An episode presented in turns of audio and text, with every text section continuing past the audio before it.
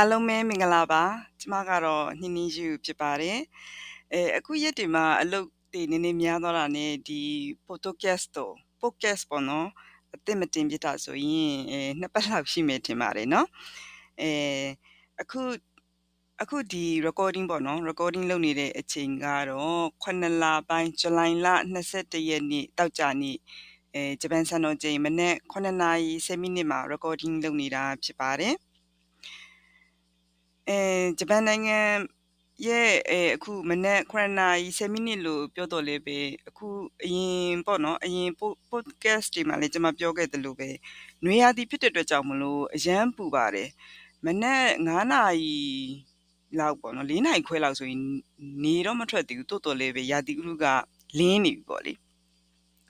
အပြင်မှာလင်းနေပါပြီ။နွေရာသီဆိုရင်တော့ဒီလိုပဲနေတာရှိတတ်ကြတယ်လေ။တိုးတော်လည်းပဲဂျပန်နိုင်ငံရဲ့နေတာရှိပုံကဟိုတကယ်ကို၄နိုင်ခွဲလောက်ဆိုလေးနေပြီပေါ့နော်။ဂျပန်ကိုကျမတို့စပြီးရောက်ကစားတော့ကလည်းပဲနွေရာသီဆိုအရန်အံ့ဩမိတယ်။ဒီလောက်တောင်မှအစောကြီးလင်းလာပေါ့နော်။မနေ့9နိုင်ခွဲလောက်ဆိုရင်ဘလို့မှမအိပ်နိုင်တော့ဘူးပူလို့ပေါ့နော်။ဒီလိုဟိုဟာချိန်မျိုးပါဒီလိုရာသီမျိုးပါ။နေတာဘယ်လောက်ရှိလဲဆိုရင်ညကြရင်လည်းပဲလေတော်တော်နဲ့နေမဝင်ဘူး။အဲ နေဝင်တဲ့အချိန်ကိုက9နာရီ10မိနစ်15မိနစ်လောက်ကိုနေဝင်နေပေါ့နော်နေဝင်နေဆိုအဲ့ဒီအချိန်လောက်အထိကိုအပြင်မှာလင်းလင်းပေါ့နော်လင်းလင်းဖြစ်နေတာပေါ့ဆိုတော့အခုနွေရာသီလို့ပြောတော့လေပဲဟိုမိုးပေါ့နော်မိုးလဲအနှင်းငယ်ရွာတဲ့အတွက်ကြောင့်မလို့ဒီမိုးရွာလိုက်နေပူလိုက်ပေါ့နော်ပြောရမယ်ဆိုရင်တော့ဟိုပူဆက်ပူလောက်မှာပဲအဲခွန်းလပိုင်းလေအခုဇူလိုင်လရဲ့လကုံလောက်အထိမိုးကတော့ ဟိုရွာနေမယ်ထင်တယ်အဲ့ဒီကနေမှစပြီးတော့9လပိုင်းလကုံလောက်မှာမိုးပြတ်သွားပြီဆိုရင်10လပိုင်းကစပြီးတော့ပို့ပြီးတော့ပူလာပါလိမ့်မယ်အဲ10လပိုင်းကတော့အပူဆုံးပေါ့နော်ပူဆုံးလာဖြစ်ပါတယ်ဆိုတော့အခုလိုမျိုးရာသီဥတုပူလာပြီဆိုရင်ဂျပန်နိုင်ငံမှာဘာတွေတွေ့ရလဲဆိုရင်ဟိုပစင်းရင်ခွေတွေအရန်អော်တယ်အခု recording လုပ်နေတဲ့အထက်မှာတော့မှကြားမလားမသိဘူးเนาะကျမရဲ့အိမ်နဲ့ခလန်းလန်းမှာတစ်ပင်နေရှိတော့လေ တစ်ပင်တွေမှာပစင်းရင်ငွေတွေကနေကြတဲ့နေကြတယ်လို့ခေါ်မလားရှိတဲ့အခါကျတော့ဒီနွေရာသီရောက်ပြီဆိုရင်သူတို့တွေအရန်អော်တာမနက်မိုးလင်းနေထွက်ပြီဆိုကြတဲ့ကပစင်းရင်ငွေတွေអော်တာပေါ့နော်ဟိုတောက်လျှောက်ဒီပစင်းရင်ငွေអော်တယ်မဲ့နားထောင်နေရရင်တော့နည်းနည်းတော့နားတော့ညီးတာပေါ့နော်တော်တော်လေးပဲဒီပစင်းရင်ငွေတွေអော်တဲ့အတန်လေးတွေကြားလာရရင်ဒါကအော်နွေရာသီပေါ့နော်နွေရာသီကိုရောက်လာပါလားဆိုတဲ့အဓိပ္ပာယ်လေးဖြစ်ပါတယ် ဒီနေ့တော့လေဒီနွေရာသီမှာဟိုဘယ်လိုပြောရင်ကောင်းမလဲအစားအစာဘာတွေစားကြတယ်လို့ဘာလို့ဒါလေးတွေကိုပြောပြချင်ပါတယ်နွေရာသီရောက်ပြီဆိုရင်ဒီရာသီဥတုကလည်းအရန်ပူတယ်ပေါ့လေဟိုအပြင်ထွက်ရင်လည်းနေရလို့ရှင်းရှင်းနေပေါ့နော်လူတွေလည်းအရန်ပင်ပန်းချွေးတွေထွက်ပြီးတော့ပေါ့နော်ပင်ပန်းတဲ့အခါကျတော့ဘာစားကြလဲဆိုတော့အစားအစာဟိုမှာစားကျင်တောက်ချင်စိတ်မရှိတာလို့ဘာလို့ဖြစ်တတ်တဲ့အခါကျတော့လေဂျပန်နိုင်ငံမှာကနွေရာသီဆိုရင်ဟိုဆိုးမန်လို့ခေါ်တဲ့ ခောက်ဆွဲဘက်ဖြစ်ဖြူလေးတွေကိုစားကြပါတယ်စားလေရှိတယ်ပေါ့နော်ဒါဒလစ်ကိုပြောတာဖြစ်ပါတယ်ဆုံးမင်ဆိုတာကပြောရမယ်ဆိုရင်တော့မြန်မာနိုင်ငံကလေမုတ်ခင်းငါးဘက်နဲ့အရန်ဆင်ပါတယ်တော်တော်မြန်မာနိုင်ငံကမုတ်ခင်းငါးဘက်ကတော့ကျမတို့မနေ့ဆိုဈေးထဲသွားပြီးတော့အစိမ့်ဝယ်လို့ရတယ်လေဆုံးမင်ကကြတော့ तू ကဟိုအချောက်ခံထားတဲ့ကြာစံလိုမျိုးပေါ့နော်အဲ့လိုမျိုးအထုပ်တွေနဲ့ဟိုဟာမှာဈေးမှာဈေးမှာလို့ခေါ်မလားစူပါမားကတ်မှာဝယ်လို့ရပါတယ် အဲ့ဒီဝယ်လာပြီးတော့အဲ့ဒီဟာကိုရင်နွေးဖြောပြီးတော့2မိနစ်လောက်ပေါ့နော်ရင်နွေးဖြောရင်နွေးဖြောလို့ခေါ်မလားရင်နွေးနဲ့ပြုတ်လိုက်ပြီးတော့စားရတဲ့အမျိုးအစားဖြစ်ပါတယ်ဟိုဟိုးရင်ပေါ့နော်လွန်ခဲ့တဲ့အဲ2000နဲ့မှ2000မဟုတ်2000နဲ့မှ6ခုနှစ်ဆိုတော့လွန်ခဲ့တဲ့ဒီ15နှစ်16နှစ်16နှစ်လောက်တုန်းကတော့ကျမဂျပန်နိုင်ငံမှာကျောင်းလာတက်စဉ်ခါတုန်းကတော့ဒီဆိုးမန်ကိုအခုလိုမျိုးဂျပန်လိုစားပုံစားနည်းလည်းမသိတဲ့အခါကြတော့လေ ဆိုးမန်ဝယ်ပြီးတော့ပြုတ်ပြီးတော့မူခင်းငါဘတ်အနေနဲ့လုပ်ပြီးတော့စားလေရှိတယ်အဲမြန်မာနိုင်ငံကအဲ့လိုမှဆိုရင်တော့မူခင်းကဟင်းရင်တုတ်တွေရှိတော့လေဟင်းရင်တုတ်တွေဝယ်လာပြီးတော့မုတ်ဟင်းကဟင်းရီချင်ရင်အဲ့ဒီဆိုးမဲ့အဖက်ကိုဝယ်ပြီးတော့မုတ်ဟင်းကဘက်အနေနဲ့စားလေရှိတယ်အခုလည်းပဲအဲ့လိုမျိုးစားလေရှိကြပါတယ်ဟိုမုတ်ဟင်းကဘက်နဲ့လုံးဝတူလားဆိုတော့လေတိတ်တော့မတူဘူးဟိုမတူဆိုတာအရသာမတူလို့ပြောတာပေါ့နော်ပုံမှန်တန်ကတော့အတူတူပါပဲ အခုတော့ဒီမုန်ဟင်းငါဘက်ကတော့မြန်မာနိုင်ငံမှာအခုအချောက်တွေမုန်ဟင်းငါကြောက်တွေလည်းဖတ်ချောက်တွေလည်းရောင်းနေခါကြတော့အဲ့ဒီဟာမျိုးဝယ်လာပြီးတော့ဒီအခုဆိုဟင်းရည်ဆိုရင်စီတူဘူးလို့ပုံစံမျိုးနဲ့ပေါ့နော်လောက်ထားတဲ့အဲမုန်ဟင်းငါဟင်းရည်တွေလည်းရှိတဲ့ခါကြတော့အရန်ကိုအဆင်ပြေသွားပါပြီအဲဝယ်လာရင်တော့ဟိုမုန်ဟင်းငါတွေပါလိစားလို့ရတယ်ပေါ့နော်အဲနွေအခုလိုမျိုးပေါ့နော်ရာသီဥတုအရန်ပူတဲ့အခါကြာရင်လေကျမကတော့ဟိုဟိုမြန်မာနိုင်ငံကဟင်းနေတတိရတယ်ငရုတ်သီးဆက်ဆက်တို့ပေါ့ နော်မုဟင်းငါဆိုရင်လည်းပြောရမယ်ဆိုရင်ဂျင်းတို့စက်သွန်မိတ်တို့အဲငရုတ်ကောင်းတို့ဒါတွေအများကြီးသုံးထားတာဆိုတော့လေစားလိုက်တဲ့နဲ့ပွင့်ထွက်သွားတာပေါ့နော်။နေရာဒီမှာအဲ့လိုမျိုးတွေစားရတာတော့ကျမတို့သဘောကျတယ်။တိုးတော့ဂျပန်လူမျိုးတွေကတော့ခုနပြောတဲ့ဆိုးမန်ပေါ့နော်။ဆိုးမန်ကိုဂျပန်လူကြတော့ဘယ်လိုစားလဲဆိုတော့လေဒီစူပါမှာဆိုးမန်ရောင်းရင်သူ့ရဲ့ပြည်နာမှာဂျပန်လူရေးထားတဲ့မင်းဆူယူဆိုတဲ့ငါးအနေထုတ်ထားတဲ့ဟိုငပြာရည်လိုမျိုးအရာပေါ့နော်တိုးတော့ငါးထုတ်ထားတဲ့ကြောင့်မလို့ငက်ဟိုငါး ငါးထုတ်တယ်လို့ခေါ်ပြီးပြောပြီးမယ်လေဒီမှာငါးကြတော့လေပင်လင်ငါးနေပြီးတော့ထုတ်ထားတာမြန်မာနိုင်ငံကငပြားရီဆိုရင်တော့ငါးကိုအပုတ်ခံပြီးတော့အပုတ်အပုတ်ခံပြီးလို့ခေါ်မလားစိန်ပြီးတော့ပေါ့နော်အပုတ်စိန်ပြီးတော့ထုတ်တယ်ပြီးတော့အနံ့ရှိတော့လေပဲဒီဂျပန်မှာရောင်းတဲ့ဂျပန်ငပြားရီတို့ခုနပြောတဲ့ဒီဆိုးမန်နဲ့တွဲစားတဲ့မင်းဆူယူလို့ခေါ်တဲ့ဒီအရီတို့ဘာတို့ကတော့အနက်အသက်ကတော့လုံးဝမရှိပါဘူးနန်နဲ့အနက်တော့မရှိဘူးသူတို့ကငါ့ကိုအချောက်ခံပြီးတော့လာမယ်နော်အချောက်ခံပြီးကမှပြင်ပြီးတော့ပြုတ်ပြီးတော့ အဲ့ဒီကနေပြီးတော့အရေပေါ့လေအရေကိုယူပြီးတော့ထုတ်ထားတာလည်းဖြစ်တဲ့ကြောင့်မလို့အနက်သက်ကတော့မရှိပါဘူး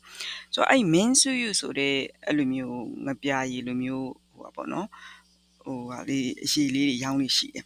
အဲ့ဒီအရေတွေကိုကြက်သွမိတ်တို့ပါတော့ထည့်ပြီးတော့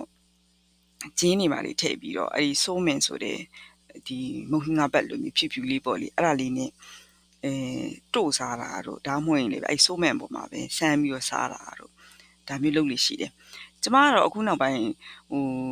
ညဆိုရင်တိတ်ပြီးတော့သမင်းနဲ့တိတ်မစားကျင်တာနဲ့ပဲနောက်တစ်ခုကအလုရှုပ်တာလည်းပါတာနဲ့ပဲဒီဆိုးမန်ဆိုရင်ခုနပြောလို့ပဲဟိုဟာခုနပြောတဲ့အဖက်ကလေးပေါ့နော်အဲ့ဒီမုတ်ဖက်ကလေးပြုတ်ပြီးတော့အဲ့ဒီငပြားကြီးလိုမျိုး main suit ဆိုတဲ့ဟာလေးကိုစမ်းလိုက်တာနဲ့လေဒီငားရတာလည်းပါတယ်ပေါ့လေလုံးဝဒီစားလို့ရတဲ့အနေအထားလေးဖြစ်တယ်အများကြီးလည်းမလိုဘူးဆိုတဲ့အခါကျတော့အခုတလောညစာဆိုရင်နေ့စဉ်ဒီပါ ဆိုမင်စားဖြစ်ပါတယ်နောက်ဒီဂျပန်နိုင်ငံရဲ့နွေရာသီပေါ့နော်အရန်ပူပြင်းတဲ့အခါကျတော့လေနွေရာသီကိုကြော်ဖြတ်ဖို့ဆိုပြီးဂျပန်လူမျိုးတွေကနွေရာသီရောက်ရင်ဒီ9လပိုင်းနောက်ဆုံးပတ်လောက်ရောက်ရင်လေဒီဥနာဂီလို့ခေါ်တဲ့ဟိုပါပေါ့နော်ငရှင့်ငရှင့်ကိုစားသုံးလို့ရှိတယ်ငရှင့်မှာကဒီခန္ဓာကိုယ်အတွက်လိုအပ်နေတဲ့ခွန်အားတွေကိုပြန်ပြီးတော့ဖြည့်ဆည်းပေးတယ်ပေါ့နော်အာဟာရဓာတ်တွေအများကြီးပါတယ်ဆိုပြီးသူတို့တွေကယုံကြည်တဲ့အတွက်ကြောင့်မလို့ငရှင့်ကို ဟိုမှာအဲနွေရာသီမှာစားလိရှိကြပါတယ်ဒီဥနာဂီကိုတော့ဟိုကျမတို့မြန်မာပြည်နဲ့ကြတော့စားပုံချင်းမတူဘူးပေါ့နော်ဂျပန်နိုင်ငံကကြတော့ဒီအယိုးတွေကိုအယိုးထုတ်ပလိုက်တာပေါ့နော်ဥနာငရှင်းမှာကဒီအလဲမှာအယိုးတစ်ချောင်းရှိတယ်ဆိုတော့လေအဲ့ဒီအယိုးကိုထုတ်ပလိုက်ပါတယ်ဆိုတော့အဲ့အယိုးကိုထုတ်ပြီးတော့ဒီဥနာဂီင ရှင်းကိုမီးကင်ထားတာပေါ့လေမီးကင်ပြီးတော့သူတို့ရဲ့ဂျပန်နိုင်ငံက sauce နဲ့အဲ sauce နဲ့ sauce တုပ်လိုက်မီးကင်လိုက် sauce တုပ်လိုက်မီးကင်လိုက်ပေါ့နော်အဲ့လိုပုံစံမျိုးကင်ထားတဲ့ဥနာဂီဖြစ်ပါတယ်အဲ့ဒီဥစ္စာကိုနွေရာသီမှာစားလိရှိပါတယ်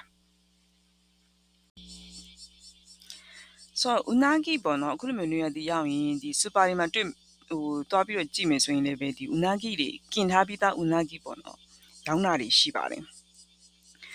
အဲနောက်တစ်ခုကကြတော့ဒီဥနာဂီဟိုဘယ်လိုခေါ်မလဲ main ပေါ့နော်ရောင်းတဲ့ငရှင်းကို main ငရှင်းတစ်မျိုးတည်းပဲရောင်းတဲ့ဆိုင်တွေလည်းအများကြီးရှိပါတယ်ဆိုတော့ဒီဆိုင်တွေမှာသွားပြီးတော့စားတာတောက်တာတော့လည်းကောင်းပေါ့နော်ဒါနဲ့နွေရာသီရဲ့ delay တစ်ခုဖြစ်ပါတယ်တော်တော်လေးဦးနာဂီဆိုတာကလည်းငရှင်းဆိုတာဂျပန်မှာဈေးရမ်းကြီးတယ်ခုနစူပါမားကတ်တွေဘာတွေမှာဝယ်ရင်လည်းပဲဟိုဈေးကြီးတဲ့အထင်မှာပါတယ်ပေါ့လေဆိုင်တွေဘာတွေမှာသွားစားမယ်ဆိုရင် အခုကျမနေထိုင်နေဒီနာဂူယာပေါ့နော်နာဂူယာကဦးနာဂီအဲငရှင်းကတော်တော်လေးနာမည်ကြီးပါတယ်အဲငရှင်းကိုပဲဒီဟီစမာဘူရှီလို့ခေါ်ပါတယ်ဟီစမာဘူရှီဆိုဒီငရှင်းကိုတုံးထားတဲ့ဟိုပါပေါ့နော်အစားအစာရဲ့နာမည်ပါဟီစမာဘူရှီလို့ခေါ်ပြီးတော့ဆိုင်မှာသွားစားမယ်ဆိုရင်တပွဲကိုရန်9000ကနေပြီးတော့ရန်9000လောက်အထိပေးရပါတယ်ရန်9000ဆိုရင်ပဲ မြန်မာငွေနဲ့တွက်ရင်အခုပေါက်စင်းနဲ့တွက်ရင်2သိန်းကျော်နေပြီဆိုတော့လေဆိုတော့ဟိုအမြဲတမ်းနေ့တတူကလည်းစားနိုင်တဲ့အစားအစာမဟုတ်ဘူးဆိုတော့လေငွေရတီရောက်လာရင်တော့အရန်ပူတဲ့ခါကျတော့တခါလီတော့ဒီလိုမျိုးသွားပြီးတော့စားပစ်ထားတို့ဘာတို့တော့ရှိပါတယ်ဒါပေမဲ့ဈေးရန်ကြီးတဲ့ခါကျတော့လေอืมဥမနာကိုရအောင်အဲ့တရီပါလာတာတို့ဘာလို့ဆိုရင်တော့လိုက်ပို့တာတို့ဘာလို့လုပ်တယ်ပေါ့နော်ဒီတိုင်းကိုယ့်အကူတော့အခက်ခဏသွားစားတာတို့ဘာလို့တော့တိတ်ပြီးတော့မလုပ်ဖြစ်ပါဘူး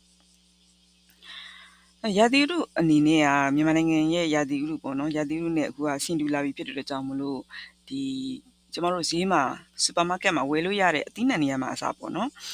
ဒီကြက်ဟင်းငါးသီးတို့ ဘာတို့ အခုရာသီဆိုရင် ဝယ်လို့ရပါတယ် ရုံးမတီသီးတို့ကစွန်းရွက်တို့နန်းနန်းမင်းကစွန်းရွက်နဲ့နန်းနန်းမင်းကတော့လေ ဟို သူတို့ ဟိုဟာနဲ့ အဲ house နဲ့ house လို့ခေါ်မလား အပူချိန်ထိန်းညှိထားတဲ့ ဒီ စိုက်ပျိုးရေး ဟိုဟာလေး မှန်လို့အိမ်လို့ခေါ်လားဘယ်လိုခေါ်လဲဖန်လို့အိမ်လို့ခေါ်လားမသိဘူးเนาะအဲ့ဒီထဲဒီမှာစိုက်ကြတဲ့အတွက်ကြောင့်မလို့ကစွန်းရွက်နဲ့နန်းနန်းမင်းကတော့တစ်နှစ်ပတ်လုံးရရတော့လေပဲကြက်ဟင်းငါးသီးတို့ရုံမနီသီးတို့ဆိုတာကတော့အခုလိုမျိုးနွေရာသီပေါ့နော်ပူပြင်းလာတဲ့ရာသီရောက်မှသာလျှင်စူပါမားကတ်မှာတွေ့ရလေရှိပါတယ်ဆိုတော့တနေ့အောင်ကြက်ဟင်းငါးသီးဝယ်လာပြစ်တယ်ကြက်ဟင်းငါးသီးကဒီကျဟင်းငါးသီးလေးဒီမှာဈေးကြီးပါတယ်ရာသီစာဖြစ်တဲ့အတွက်ကြောင့်မလို့လေကျဟင်းငါးသီးတစ်တောင်ကိုရန်160လောက်ပေးရတော့လေ ရန်160ဆိုမြန်မာငွေ3000ကျော်ပေါ့နော်3500 4000နီးပါးလောက်ဖြစ်သွားပြီဆိုတော့လေအမှပြောရမယ်ဆိုရင်တော့ဈေးကတော့ကြီးတာတော့ကြီးတာပေါ့နော်ဒါပေမဲ့လေဒီအချိန်မဲစားရတယ်ဆိုတော့နောက်ယုံမနီတီယုံမနီတီဆိုရင်လည်း9000လောက်ပိုင်ရန်100ပေါ့ရန်100ဆိုရင်လည်းပဲမြန်မာဈေးနဲ့တွက်ကြည့်ရင်တော့အကုန်လုံးဈေးကြီးတယ်လို့ပဲပြောရမှာပေါ့နော်တော်တော်လည်းပဲဒီအခုလိုမျိုးရာသီရာသီမှာနွေရာသီဆိုနွေရာသီမှာပဲစားလို့ရတယ်ဒီအသီးနှံလေးတွေ အဲပေါ်လာတဲ့အခါမှာဒါကိုစားပြီးတော့အဲဘယ်လိုခေါ်မလဲအားအားရှိတယ်လို့ခေါ်မှာဒီရာသီရာသီစားကိုစားရရင်ကိုပဲဟိုခန္ဓာကိုယ်အတွက်ဒါခန္ဓာကိုယ်အတွက်လည်းတင့်တော်ရယ်လေတိုင်းလည်းလိုက်ဖက်တဲ့အတွက်ကြောင့်မလို့ဒီရာသီမှာအဲပေါ်တဲ့အစားအစာတွေဖြစ်တဲ့အတွက်ကြောင့်မလို့အခုလိုမျိုးရာသီစားတွေကိုစားပြီးတော့ဒီနွေရာသီကိုကြော်ဖြတ်တဲ့ပေါ့လေဂျပန်လူမျိုးတွေကတော့အဲ့လိုမျိုးအဲခံယူကြပါတယ်နောက်တစ်ခုနွေရာသီမှာလေချွေးရမ်းထွက်တဲ့အတွက်ကြောင့်မလို့ဟိုဒီ ချွေးတက်ပေါ့နော်ချွေးချွေးတောင်ဖြစ်တယ်စားတက်ပေါ့နော်ခန္ဓာကိုယ်ကကုံဆုံးသွားတဲ့စားတက်နဲ့ရည်တက်ကိုပြန်ပြီးတော့ဖြည့်ပေးတဲ့ဖြော်ရည်ပေါ့အချိုရည်ပေါ့နော်အချိုရည်တော့မဟုတ်ဘူးပေါ့နော်အဲ့လိုမျိုးစားတက်ပြန်ဖြည့်ပေးတဲ့ဟိုပါပေါ့ drink ပေါ့နော်အဲ့ဒီဟာမျိုးကြီးလည်းပဲလေအဲတောက်ကြတယ်ပေါ့နော်အဲဆိုတော့ပိုကာရီဆွက်ဆိုရင်တော့နာမည်တော်တော်လေးကြီးပါတယ်မြန်မာနိုင်ငံမှာလည်းပိုကာရီဆွက်ရောင်းနေရှိတယ်နောက် တခြားဒီ brand တွေကထုတ်တဲ့ Aquarius တို့ဘာတို့ပေါ့နော်ဒီဖြော်ရည်တွေအများကြီးရှိပါတယ်ဒါတွေကိုလည်းပဲလေတောက်တာကောင်းပါတယ်အဲဆိုအရင်ချွေးထွက်လွန်ပြီးတော့လေဟိုဂျပန်မှာနေထိုင်နေတဲ့သူတွေပေါ့နော်ချွေးထွက်လွန်ပြီးတော့ဒီခန္ဓာကိုယ်ဟိုအာရင်ကုံဆုံးသွားတာတို့ဘာတို့ဖြစ်တတ်ပါတယ်ဆိုတော့ဂျပန်မှာနေတဲ့တက်ကြီးရွယ်တွေဆိုရင်ဒီနွေရာသီရောက်ရင်ဟိုဘယ်လိုပြောရမလဲဟိုအစားလည်းတိတ်မဝင်တာတို့နောက်နောက်ဟိုချွေးရမ်းထွက်ပြီးတော့လေပင်မနာတို့ဘာလို့ဆိုရင်ဒီ ချိုရီပေါ့နော်အဲ့ချိုရီကအရင်ကောင်းတဲ့အတွက်ကြောင့်တက်ကြီးရွယ်တွေလည်းတောက်လို့ရှိတယ်လို့တက်ကြီးရွယ်တွေနေမဟုတ်ဘူးဒီလူငယ်တွေပေါ့နော်လူငယ်တွေလည်းအပြင်ထွက်သွားလာလှုပ်ရှားနေတဲ့အတွက်ကြောင့်မလို့ခန္ဓာကိုယ်ကချွေးထွက်တဲ့အခါကျတော့လေဒီလိုမျိုးအချိုရီတောက်ပြရပါတယ်ဆိုတော့ဂျပန်နိုင်ငံမှာနေထိုင်တဲ့သူတွေကဒါဟို convenience store တွေမှာတော့လကောင် supermarket တွေမှာတော့လကောင်အလွယ်တကူဝယ်လို့ရတော့လေအဲ1.5လီတာဘူးကြီးတွေရောင်းနေဆိုတော့လေအဲ့ဒီဥစားကိုယ့်ရဲ့အိမ်မှာဆောင်းထားတော့လကောင်လို့ရင်တော့ အဲကောင်းပါတယ်ဒီနွေရာသီနောက်ဂျပန်မှာနေတဲ့သူတွေအတွက်ကရှစ်လပိုင်းကပို့ပြီးပူတဲ့အတွက်ကြောင့်မလို့အဲနွေရာသီမှာလည်းပဲကျဉ်းကျဉ်းမမာနေပေါ့နော်နွေရာသီကိုကြော်ဖက်ညမှာစီလို့ဒီကနေပြီးတော့ဆူတောင်းလိုက်ပါတယ်နော်အဲဂျပန်မှာနေတဲ့သူတွေတွေမဟုတ်ဘူးပေါ့နော်မြန်မာနိုင်ငံမှာနေထိုင်ကြတဲ့မြန်မာလူမျိုးတွေကနောက်အဲဒေတာအတီးတီနိုင်ငံအတီးတီမှာအလုပ်လုပ်စူးစမ်းနေကြတဲ့မြန်မာလူမျိုးတွေကအဲစိတ်ချမ်းသာခြင်းကိုယ်ကြီးကျန်းမာခြင်းနဲ့ ပြေဝကြပါစေလို့ဒီကနေ့ဆုမငောင်းတောင်းလိုက်ပါတယ်ဒီနေ့အစီအစဉ်ကတော့ဒီမှာပဲအဆုံးသတ်ပါမယ်เนาะအဲကျမလေဒီအစီအစဉ် photo podcast ပေါ့เนาะအခုဒီကလွှင့်နေတဲ့အစီအစဉ်တွေမကဘဲね YouTube မှာလည်းပဲကျမရဲ့ channel နှစ်ခုရှိပါတယ်အခုဒီမှာကတော့ကျမဂျပန်နိုင်ငံရဲ့ဒီဟိုပါပေါ့နော်ဘယ်လိုပြောကောင်းမလဲဂျပန်နိုင်ငံမှာနေထိုင်စဉ်တွေ့ကြုံရတဲ့ကိစ္စလေးတွေကိုပြောပြတော့လဲပဲ YouTube မှာကြတော့ဒီဂျပန်စာလေးလာနေတဲ့သူတို့နောက်တစ်ခုကကြတော့ဂျပန်နိုင်ငံမှာလှုပ်လှုပ် ချင်းတဲ့သူတွေအတွက်ဘူးတုတရစရာအကြောင်းအရာတွေကိုပေါ့နော် YouTube ကနေပြီးတော့ပြပြပေးတာဖြစ်တယ်ဂျပန်ဥပဒေကဘယ်လိုရှိတယ်လို့လုံအားကကဘယ်လိုရတယ်လို့ဘာအလုပ်တွေရှိတယ်လို့ပေါ့နော်ဒီလိုမျိုးတွေကို YouTube မှာပြပြပေးရတဲ့ကြောင့်မလို့ကျမရဲ့နာမည်နှင်းနှင်းယူဆိုပြီးတော့ YouTube မှာဆက်ကြည့်လို့ရပါတယ်အဲ့ဒီမှာအဲထုတ်လင်းပေးနေပါတယ်နောက်တစ်ခုကကျတော့ဂျပန်နိုင်ငံမှာကျမအခုနေထိုင်နေစဉ်ပေါ့နော်ဂျပန်နိုင်ငံမှာသွားတာလာတာ အဲ အဲသွားလာလာလို့ခေါ်မှာဂျပန်နိုင်ငံရဲ့အကြောင်းပေါ့နော်ကျွန်မဂျပန်စကားနဲ့ပြောပြီးတော့လွှင့်တဲ့ channel လေးရှိပါတယ်အဲ့ဒီ channel ကတော့စာမဟုတ်ပေါ့လေဒီတိုင်းဂျပန်နိုင်ငံအကြောင်းကိုကြည့်ချင်အဲ့ဒီ channel မှာကြည့်ပါအဲ့ဒီ channel ကတော့မင်္ဂလာပါဆိုပြီးတော့ရှာကြည့်ပေးပါဆိုတော့ channel နှစ်ခုရှိပါတယ်တစ်ခုကမြန်မာလိုလွှင့်တာကနှင်းနှင်းယူပေါ့နော်ဂျပန်လိုလွှင့်တဲ့ channel ကမင်္ဂလာပါဆိုပြီးတော့အမည်ပေးထားပါတယ်ဆိုတော့ဒီ podcast ဒီမဟုတ်ဘဲနဲ့ YouTube မှာလည်းကြည့်ချင်နေဆိုရင်တော့အဲဒီ channel တွေကိုရှာပြီးတော့တစ်ချက်အဲလာကြည့်ပေးပါလို့ဖိတ်ခေါ်ပါတယ်เนาะ အဲဒီနေ့တော့ဒီမှာပဲဆုံးသက်ပါမယ်အားလုံးအဲကျမ်းမာချမ်းသာကြပါစေနော် bye bye